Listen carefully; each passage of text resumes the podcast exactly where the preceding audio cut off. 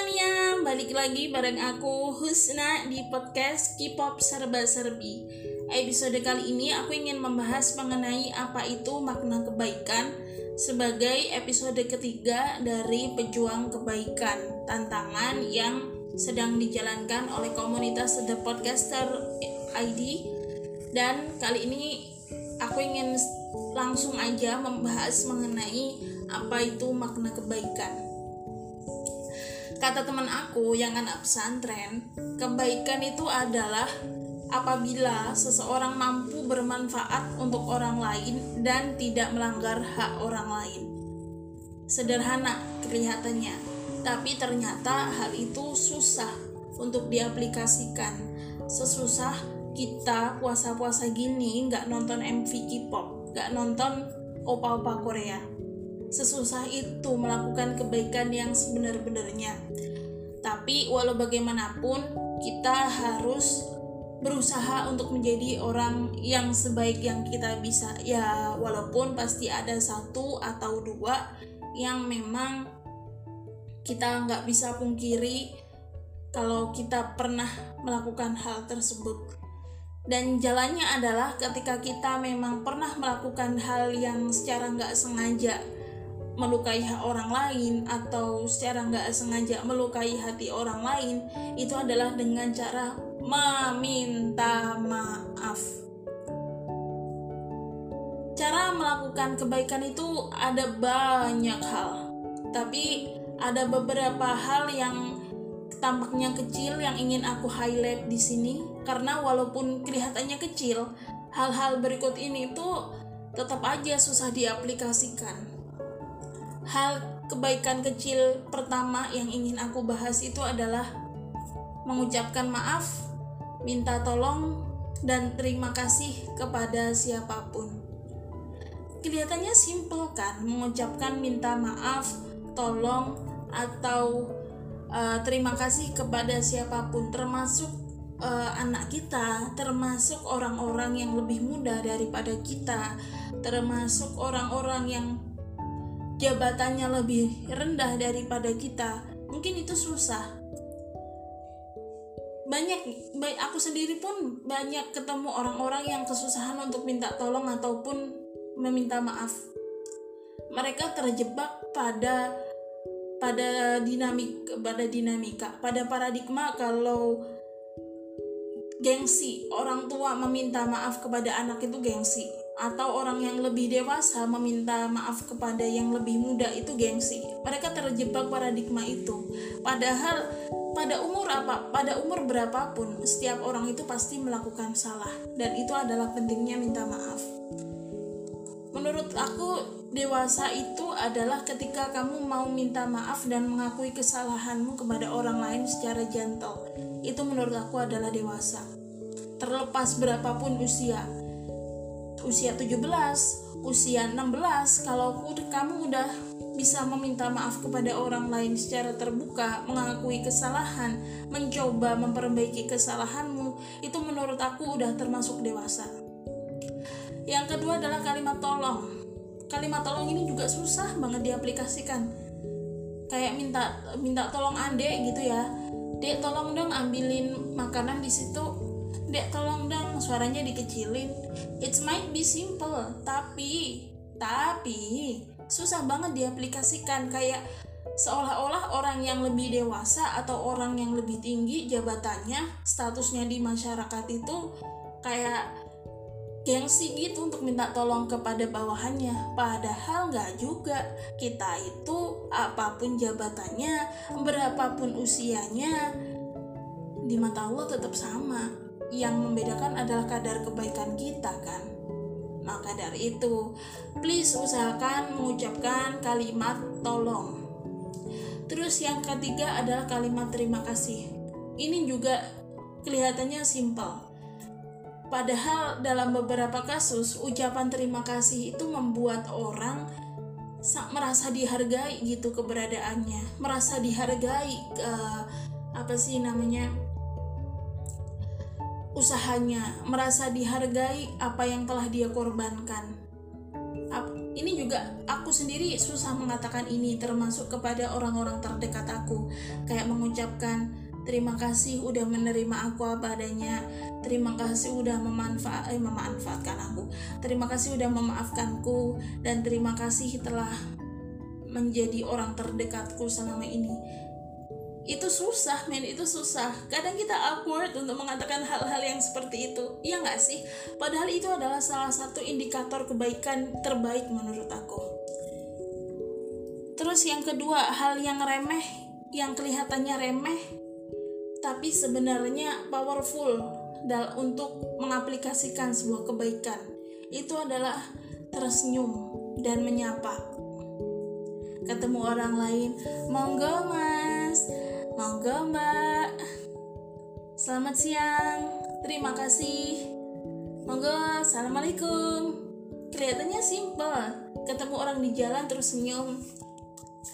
Kelihatannya simpel Tapi tahu nggak Sesimpel itu bisa uh, Meredakan kemarahan orang lain Yang uh, Probably ketika kerja lagi Hektik-hektiknya Terus uh, Capek-capeknya eh waktu pulang dia disapa orang lain yang pro, bisa jadi juga nggak terlalu dikenal disapa selamat siang gitu.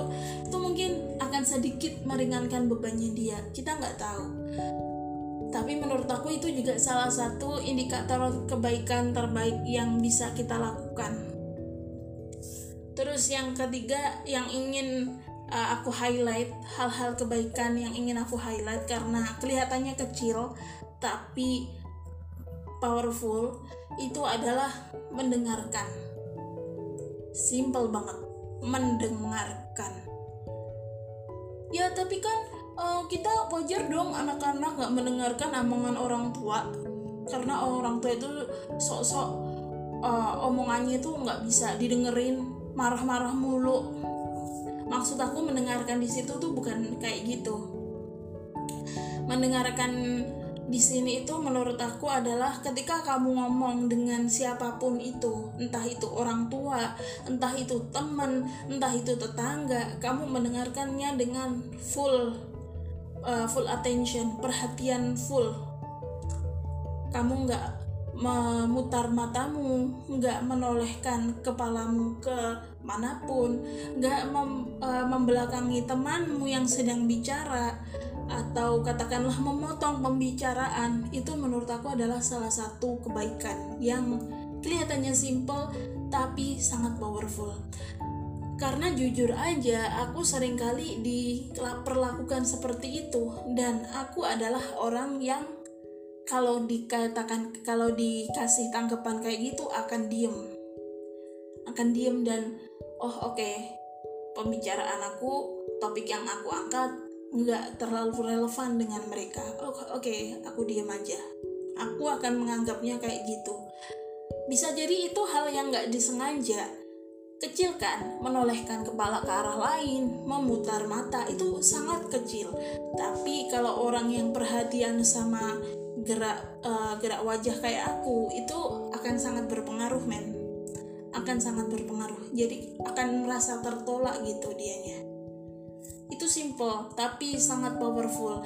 Dan kalau bis kalau kalian bisa melakukannya menurut aku itu hal yang sangat luar biasa. Aku pernah ikut acara uh, apa sih? TOT uh, Training of Trainers di acara kampus di kampus. Itu uh, trainersnya bilang kalau kalian mendengarkan teman yang curhat jangan dipotong pertama rulesnya jangan dipotong. Kedua, singkirkan handphone atau distraction lain. Ketiga, cari tempat yang sepi. Keempat, dengarkan dia, buka badan kalian, jangan bersedekap. Buka badan kalian, dengarkan dia. Hilangkan itu, hilangkan uh, pikiran untuk menyahut dia. Hilangkan, duduk di situ, dengarkan dia aja hilangkan pikiran-pikiran mau menyahut apa itu hilangkan terus kemudian kalau dia udah selesai beneran sampai titik kasih rangkuman, jangan kesimpulan. Bedanya apa? Kalau rangkuman itu adalah poin-poin penting dari pembicaraan dia. Itu akan membuktikan kalau kalau kalian itu memperhatikan apa yang dia bicarakan, kalau kalian itu merasakan hal yang sama eh, dengan apa yang dia rasakan, itu pentingnya rangkuman. Bedanya dengan kesimpulan itu adalah rangkuman yang sudah jadi itu kalian jadikan satu kalian simpulkan seenak kalian padahal kalian bukan pelaku contohnya gini dia putus sama pacarnya terus kasih kalian kasih rangkuman oh jadi kamu putusnya tanggal ini uh, sama cowok bernama ini terus uh, kamu putusnya gara-gara ini di tempat kayak gini itu rangkuman. Kalau kesimpulan adalah oh jadi kamu putus sama uh, sama pacarmu gara-gara ini padahal kamu udah melakukan hal yang terbaik buat dia. Nah kayak gitu itu kesimpulan. Belum tentu juga dia udah melakukan hal yang baik kepada pacarnya misal. Ataupun uh, belum tentu juga pacarnya udah melakukan hal yang terbaik buat dia. Itu belum tentu. Biarkan dia sendiri yang menyimpulkan. Biarkan dia sendiri yang mencari solusi. Kecuali kalau dia minta solusi. Misal dia putus dengan pacarnya eh gimana sih caranya aku balikan sama dia? Nah ketika dia tanya kayak gitu ke kamu baru kamu kasih solusi. Kalau dia nggak tanya ya jangan dikasih solusi karena apa? Kalau dia nggak tanya bisa jadi dia udah punya solusi sendiri itu ataupun ketika dia tanya kamu jawab aja menurut kamu enaknya gimana? Aku tahu kok kamu udah tahu apa baik dan apa buruknya pacaran dengan orang itu dan bagaimana caranya baliknya balikan dengan dia. Aku yakin kamu bisa melewati cobaan kayak gini. Nah kayak gitu. Simple kan kebaikan itu tapi mengaplikasikannya itu susah. Aku sendiri ketemu orang yang bisa mendengarkan kayak gitu itu jarang. Paling satu atau dua orang yang benar-benar pay attention dengan apa omonganku. Atau aku juga pernah ketemu orang yang strata sosialnya lebih tinggi daripada aku meminta tolong kepada orang-orang yang di bawahnya aja. Mereka nggak bilang maaf nggak bilang minta tolong nggak bilang terima kasih padahal strata sosialnya lebih tinggi. Terus juga sometimes aku juga ketemu orang yang kalau disapa itu nggak balik nyapa. Atau dia baliknya apa dengan ya nggak tulus. Itu tuh nggak enak men. Nggak enak. Oleh karena itu usahakan hal-hal yang sekecil kayak tadi bisa diaplikasikan. Aku tahu itu mungkin sulit tapi manusia itu kan emang nggak ada yang sempurna ya. Jadi kalau emang nggak ada yang sempurna kalau kalian sengaja atau nggak sengaja melakukan salah pasti ada yang nggak sengaja kan? Iya minta maaf. Itu adalah fungsinya Idul Fitri. Idul Fitri mudik itu nggak cuma sekedar rame-rame dapat angpo halal bihalal atau makan makan soto makan opor makan rendang nggak nggak itu esensialnya. Esensinya itu bukan itu Idul Fitri. Esensinya itu adalah kita berani minta maaf kepada orang, siapa pun itu, atas kesalahan apa pun, entah yang pernah kita lakukan atau yang gak pernah kita sadari. Itu sih makna kebaikan dan probably makna Idul Fitri.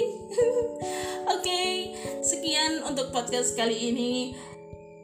Uh, apabila kalian punya komentar, punya unek-unek, silahkan dikirim ke Instagram aku di @kpopserba-serbi. Bye bye. Dadah.